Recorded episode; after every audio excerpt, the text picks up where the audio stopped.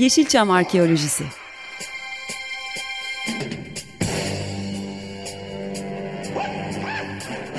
Türk sineması ve Yeşilçam'ın besin kaynakları, emekçileri ve kıyıda köşede kalmış hikayeleri.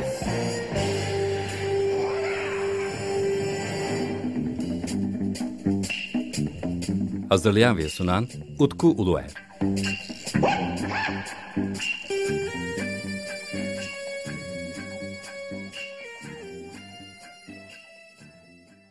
Merhabalar değerli Açık Radyo dinleyicileri. Ben Deniz Utkuluer ve yepyeni bir Yeşilçam Arkeolojisi programında da sizlerle birlikteyiz. Biliyorsunuz programımız 15 günde bir yayınlanıyor ve 15 gün ne kadar çabuk geçti yeniden sizlerin karşısındayım.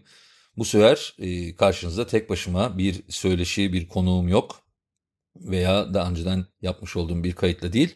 Bu sefer programda seçmiş olduğum bir konuyla birlikte karşınızdayım. Fakat e, konunun kendisine geçmeden evvel sizlere bir e, hatırlatma, bir duyuruda bulunmak istiyorum. Çünkü e, benim için çok gurur verici bir e, söyleşi gerçekleşti. Milliyet Sanat dergisinde yayınlanmıştı. Fakat son iki program radyoda kayıttan yayınlandığı için ben tabii bu söyleşinin haberini size sıcağı sıcağına veremedim. Üzerinden de yaklaşık olarak bir ay geçmiş oldu aslında. Milliyet Sanat Dergisi'nin Ağustos 2023 sayısında podcast bölümünde Seyhan Akıncı'nın benimle yapmış olduğu bir söyleşi var. E, bu sayede de Yeşilçam Arkeolojisi de Millet Sanat Dergisi'ne hem taşımış oldu ve çok keyifli bir sohbet yaptık kendisiyle. Öncelikle ben e, Seyhan Akıncı'ya da teşekkür etmek istiyorum. Programımıza değer vermiş. Söyleşi okumak isterseniz Ağustos 2023 tarihli dergiye edinmeniz yeterli olacaktır. Raflarda ne kadar süre bulunduğunu bilmiyorum. Bu aralar belki Eylül sayısı yeniden raflarda yerini alacaktır ama e, bir şekilde Ağustos sayısına da ulaşabilirsiniz diye düşünüyorum ben. E, bizim için de çok gurur verici bir nokta oldu bu. Çünkü 8 yılın sonunda farklı mecralardan da takibi alınıyor olmamız çok değerli. Ben de yaklaşık 8 yıldan beridir e, podcast yaptığımın farkına varmış oldum. Yani radyo yayınlarımız devam ediyor ama podcast artık çok önem kazanmaya başladı. E, Spotify'dan da podcastlerimizi takip edebilirsiniz. Açık Radyo'nun pek çok podcast'i var, çok değerli yayınlar var. Bunların hepsini e, size zaman içerisinde takip etmenizi öneriyorum. Çünkü bazı programları ben canlıyken kaçırıyorum ama podcastler sağ olsun onları zaman zaman biriktirmek hatta ardından hep birlikte dinleme şansına da erişiyorum. Bu yönden e, podcast biz e, radyo yayıncıları için de çok değerli bir e, noktaya ulaştı. Bu söyleşi de 8 yıldan beridir yaptığımız yayınla da ilgili çok değerli bir söyleşi oldu. O yönden de hani program üzerine görüşlerimi ve özellikle de Yeşilçam arkeolojisi konusunu e, ne noktadan artık günümüzde de ele, al, ele aldığımı görmek isterseniz bence çok keyifli bir sohbet oldu. Oradan okuyabilirsiniz. 15 yıldan beri de Türk sineması üzerine çeşitli araştırmalar yapıyorum. E, pek çok e, dostumu da programa davet ettim. Bu 15 yıl içerisinde pek çok değerli isimle de tanışma fırsatını elde ettim. Fakat şöyle bir şey düşündüm ben. Ben yıllardan beridir özellikle sinematikyeşilçam.com sitesinde e, çeşitli araştırmalarıma yer veriyorum bazen bazı yazıları güncellemek gerekiyor. Bazen bazı içerikleri tekrardan okumak ve ele almak gerekiyor. Bazen de yazıların artık e, yani güncelli internet üzerinde bazen kayboluyor. Hani e, bazı yazılarım var e, yaklaşık 8-9 yıl önce yazdığım. E, bir bakıyorsunuz o yazı tekrar gündeme geliyor bazen. Bazen o link başkaları tarafından okunuyor. Kimin ne zaman neye rastlayabileceği belli olmuyor da diyebiliriz. E, özellikle de yaklaşık 17 yıl Sinematik Yeşilçam sitesinde yayın yapmışız. Yani ilk önce Blogspot'tan başlamışım. Daha sonra e, sinematikyeşilçam.com e, sitesiyle birlikte 17 yılı aşkın zamandır e, yayın yapıyoruz. E, yaptığım araştırmaları kaleme alıyorum. Bunların e, pek çoğunu da yayınladığımı düşünüyorum ben. Bazılarını biriktirdim hani ileride belki bir kitaba dönüştürebilirim diye. Ee, özellikle hem Yeşilçam Arkeolojisi'nde hem Türk İşi Kovboylar radyo programında da bazılarını sizlerle paylaştım. Ancak e, şöyle düşünün hani bazı eskiden yazdığım yazıları neden tekrar e, ele almıyorum? Hani bazen yazıları ele alıp güncellersiniz fakat e, günümüzde hani artık e, bazı yazıları hani o şekilde ulaştırmak yerine podcast olarak ulaştırmak da çok daha keyifli ve farklı bir yer alabilir. Bir de e, şunu düşündüm ben özellikle bu seçtiğim konu yıllar önce yazdım 2008 yılında yazdığım bir yazıyı ele aldım bugünkü programda ve o da e, Christina Haydar daha doğrusu e, o dönemde Yeşilçam'da Saman Alevleri diye bir yazı dizisine başlamıştım ve Christina Haydar ya da Christine Haydar e, isimli e, Fransız e, sanatçı ile ilgili yazdığım bir yazı vardı. Şimdi o yazıda baktığım zaman bugün hani bu yazıyı ben farklı bir şekilde anlatıp araya e, onun söylediği bir ya da iki tane şarkı serpiştirebilirim diye düşünürken e, ben bunu niye bir podcast'a dönüştürmüyorum ve Yeşilçam arkeolojisinde niye bu konuyu ele almıyorum diye düşündüm. Çünkü gerçekten de yani Yeşilçam arkeolojisi konusunda ele almamız gereken konulardan bir tanesi. Bu saman alevleri dediğim konu da e, bu şekilde. Onun için bu saman alevleri olarak ele aldığım ve hatta belli bir zaman önce bunu kitaplaştırabilir miyim diye düşündüğüm konuyu e, Yeşilçam arkeolojisinde ele almanın fayda olacağını düşünüyorum. E, o dönemde ortaya çıkarttığım 4-5 tane isim vardı. İlerleyen programlarda, farklı dönemlerde, yani bu önümüzdeki programda yine devam edecek demiyorum ama birkaç bölüm sonra e, bakarsanız birkaç ay sonra da farklı isimlere de yer verebiliriz. Fakat bugünkü programımızda Kristin Haydar konumuz olacak. Çünkü Kristin Haydar çok ilginç bir kişilik. Hani saman alevleri e, başlığını seçmemin sebebi de zaten Kristin Haydar. Çünkü gerçekten de ülkemiz öyle bir giriş yapmış ki bir saman alevi gibi bir anda parlamış. Hatta bir plak yapmış. iki tane filmde oynamış ve daha sonra da ülkeden ayrılmış. E, pek çok e, gazetede haberi olmuş ve gerçekten de bir saman alevi gibi parlayıp bir anda sönmüş. İşte bu nedenle de ben bu, e, bu yazı dizime de böyle bir isim koymuştum. Şimdi sinemamız üzerine hazırlanmış pek çok veri tabanı var. Bu veri tabanlarından birçok bilgileri e, derleyebiliyoruz. Fakat bazı isimler gerçekten de bu veri tabanlarında çok fazla yer almıyorlar. Ya da yalan yanlış diyeceğimiz bazı bilgilerle birlikte daha sonraki dönemler aktarılıyorlar. Yani yıllardan beridir aslında e, Sinematik Yeşilçam sitesini yayını sürdürmemizin sebebi de ya da benim bugün Yeşilçam Arkeosu programını yapmamın ana sebeplerinden bir tanesi de aslında bu bilgilerin bazılarını daha doğru bilgiye dönüştürmekti. Ya da bunları araştırmak ve e, arşive bir katkımda bulunmaktı. E, şimdi baktığım zaman Kristin Haydar e, ismi üzerine çok fazla bilgi yoktu. Yani 2008'in Mayıs ayında bir yazı yazmıştım. Çünkü bu bir e, saman alevi diye düşünmüştüm. Ve Kristin Haydar üzerine hiçbir yazı yoktu internet üzerinde. Ve ben de e, hakkında topladığım bütün bilgileri bir yazıya dönüştürdüm. Bu yazdığım yazı çok ilginçtir. O dönem e, ilgi de çekti. Fakat yazı ile ilgili çok daha ilginç bir olay e, başıma geldi. Çünkü o dönemde baktığınız zaman Kristin Haydar üzerine internette Türkçe kaynaklar içerisinde hiçbir yazı yok gibiydi. Ve en detaylı bilgiyi de ben toparlamış oldum. O dönemde Okan Bölgen'le birlikte oynadığı bir tiyatro oyunu için Türkiye'ye gelmişti. 2008 yılı olması gerekiyor. Tam tarihi hatırlamıyorum ama o dönemler, o yazıyı yayınladığım dönemlere denk geliyor olması gerekiyor. Ve işin ilginci Kristin Haydar da e, Beyaz Şov'a konuk oluyor. Hatta e, ilginçtir.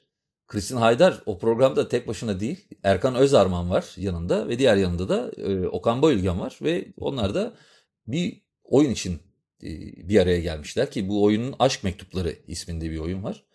Ve o gece e, o yayın sırasında Beyaz'ın bu arada programı Kanal D'de yayınlanıyor o sırada. Beyaz'ın programı sırasında bir anda benim yazımla ilgili bir sanırım link veriliyor. Ve yazı o gece unutmuyorum 21 bin tıklama almıştı yaklaşık yarım saat içerisinde. E, çok fazla kişi tıklamıştı o, o anda. Ve daha sonra da rakam yükselmeye başlamıştı ve bir anda 100 bine ulaşmıştı o gün. Ve 4 saatin sonucunda da çok daha yüksek rakamlara gitti. Ve ben çok şaşırdım ve o dönem hani bizim sitenin de ya da blogun da tanınmasına da e, katkıda bulunmuştu hatta. Daha sonraki dönemde bu çok ilgi olan yazıyı ben e, Alp Ersin, reklamcı Alp Ersin'in bir dergisine de e, hazırladım. Onlar da farklı ve güzel bir dizaynla birlikte o yazımı dergilerinde yayınlamışlardı. E, tabii e, o dönemlerde Blogspot üzerinden yayın yapıyorduk. Ben de yazıyı tekrardan e, ele aldım ve e, sinematik yeşilçam.com'da 2012 tarihinde yazıyı yeni düzenlenmiş haliyle yayınladım. Şimdi burada ilginç bir durum var. Şimdi o dönem araştırma yaptığım zaman yani 2008 ile 2012 yılı arasında bir de e, Pınar Öğünç bir yazı hazırlamış ki Pınar Öğünç İcet Rejisör kitabının da yazarıdır. Kendisi de Çetin İnancı'nın da yönetmen Çetin İnancı'nın da yeğeni oluyor. Yanılmıyorsam yeğeni ya da kuzeni oluyor. O da mesela yazısında işte Haydarpaşa'nın gelini olduğu ile ilgili hikaye çok inanmamış. Onunla ilgili çok fazla bilgi vermemişti. Fakat tabii yani mesela ben 2012 yılında bu yazıyı yayınladıktan sonra e, birkaç tane farklı görüşme gerçekleştirmiştim. O sırada Özellikle şimdi Yeşilçam Arkeolojisi programının ilk bölümü Lale Belkıs'tadır. Ee, kendisi benim çocukluğumdan beri tanıdığım bir aile dostluğumuz olduğu için onunla bir söyleşi gerçekleştirmiştik. Ben de e, işte Lale Belkıs'la konuşurken E, şu soruyu sordum ben çünkü şimdi Kristina Haydar var. Kristina Haydar hem Ajda Pekkan'a benziyor hem Gönül Yazar'a benziyor ama öteki taraftan da Lale Belkıs'a da benziyor aslında. Çünkü Lale Belkıs da Fransızca şarkılar söylediği için acaba dedim hani onunla da bir karşılaştırma durumu var mıydı ki Lale Belkıs da Erkan Özarman'ın yakın bir dostudur.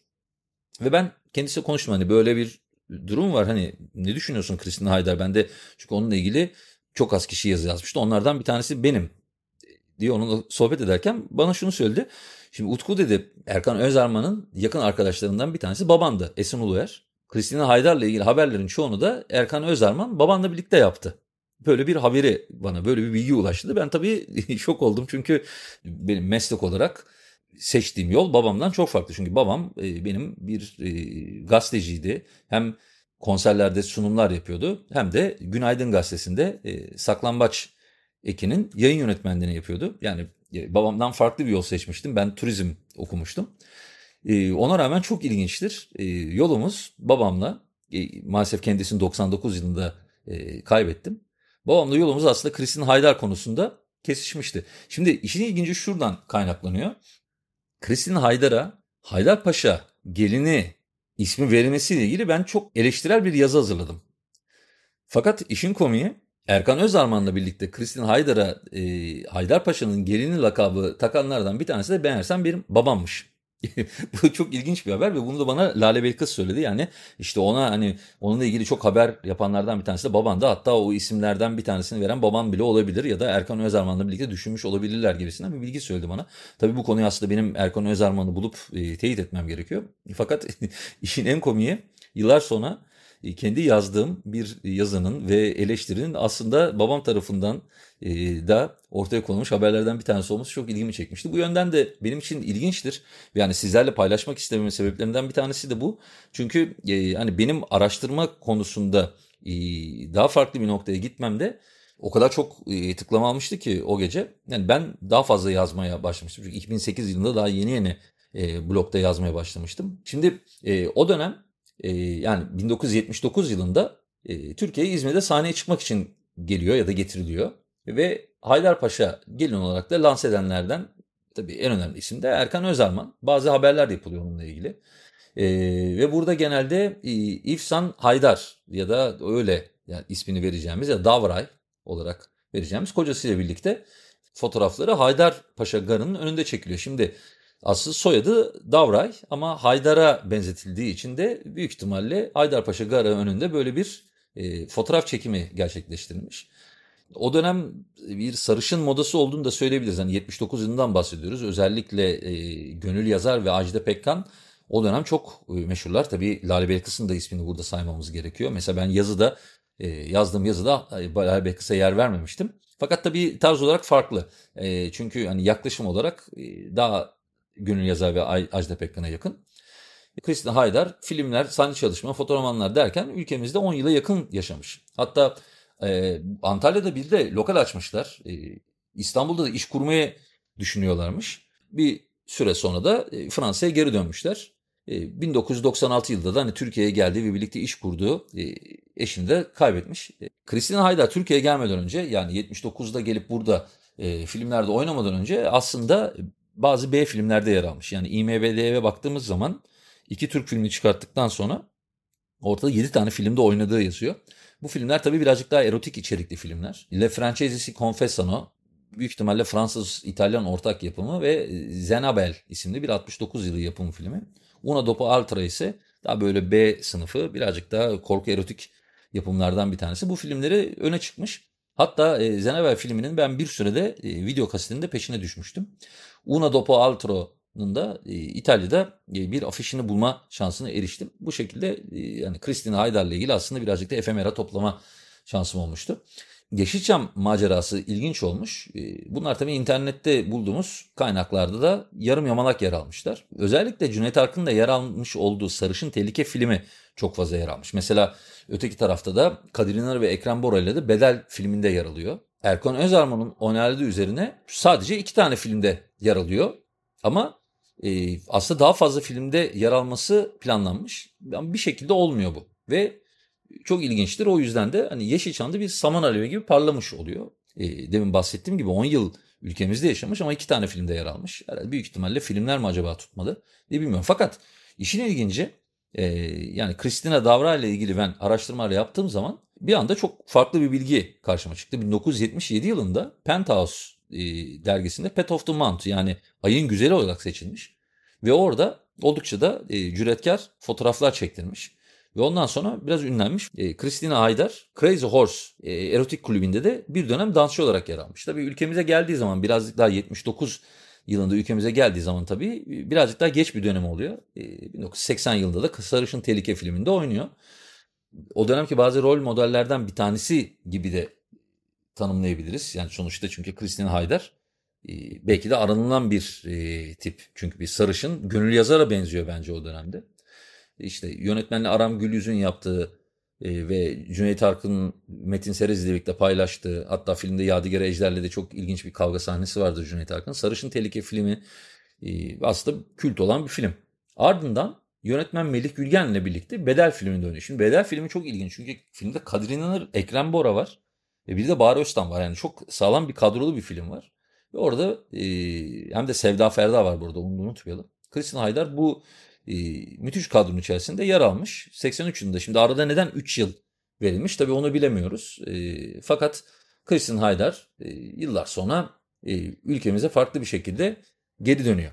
Tabii o arada bütün bunlar olurken Kristin Haydar bir de e, büyük ihtimalle gönül yazara da yakınlığından ve hani tarz olarak da Ajda Pekkan'ı da andırmasından dolayı çünkü neden Ajda Pekkan'ı diyorum? Çünkü aman petrol yani petrol şarkısını çünkü kavurluyor e, ve kendisi söylüyor e, bir plak çıkartıyor. Şimdi baktığımız zaman e, Christina Haydar gazino programlarında yer almış. Hatta Gönül Yazar'a benzer diyoruz ama mesela Gönül Yazar, e, Cüneyt Arkın'ın olduğu, Uğur Böceklerinin olduğu. Mesela burada ilginç Uğur Böcekleri çünkü orada e, Yalçın e, Uğur Böceği Yalçın da var ki Uğur Böceği Yalçın sonuçta Lale Belkıs'ın eşi. Yani böyle bir kadro var. Orada da Christina Haydar yer almış. Mesela böyle bir böyle önemli bir kadroda yer almış. E, mesela Göl Gazinosu'nun kadrosuna yer almış.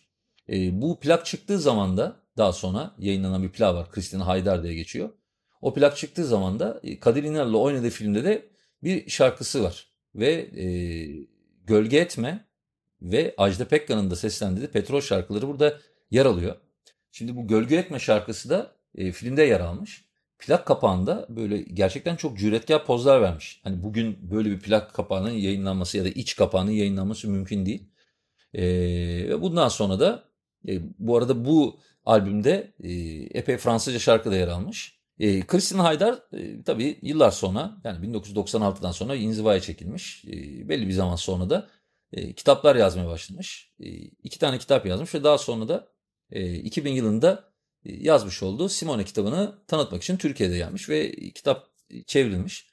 E, benim İlk başta size bahsettiğim Kristina Haydar'la ilgili yazımının da böyle çok tanınmasının sebebi de 2011 yılında 25, 26, 27 Mayıs'ta Taksim'deki Fransız Başkonsolosluğu'nun e, tiyatro sinema salonunda yer alan Aşk Mektupları oyuncu kadrosunda yer alması. Bu da oyuncu kadrosu çok ilginç. Erkan Özarman'ın yönetmenliği yaptığı bir oyun bu arada. E, Ayla Algan var, Okan Bayülgen var, Vural Gökçaylı var ve Kristin Haydar da yine kadroda yer almış.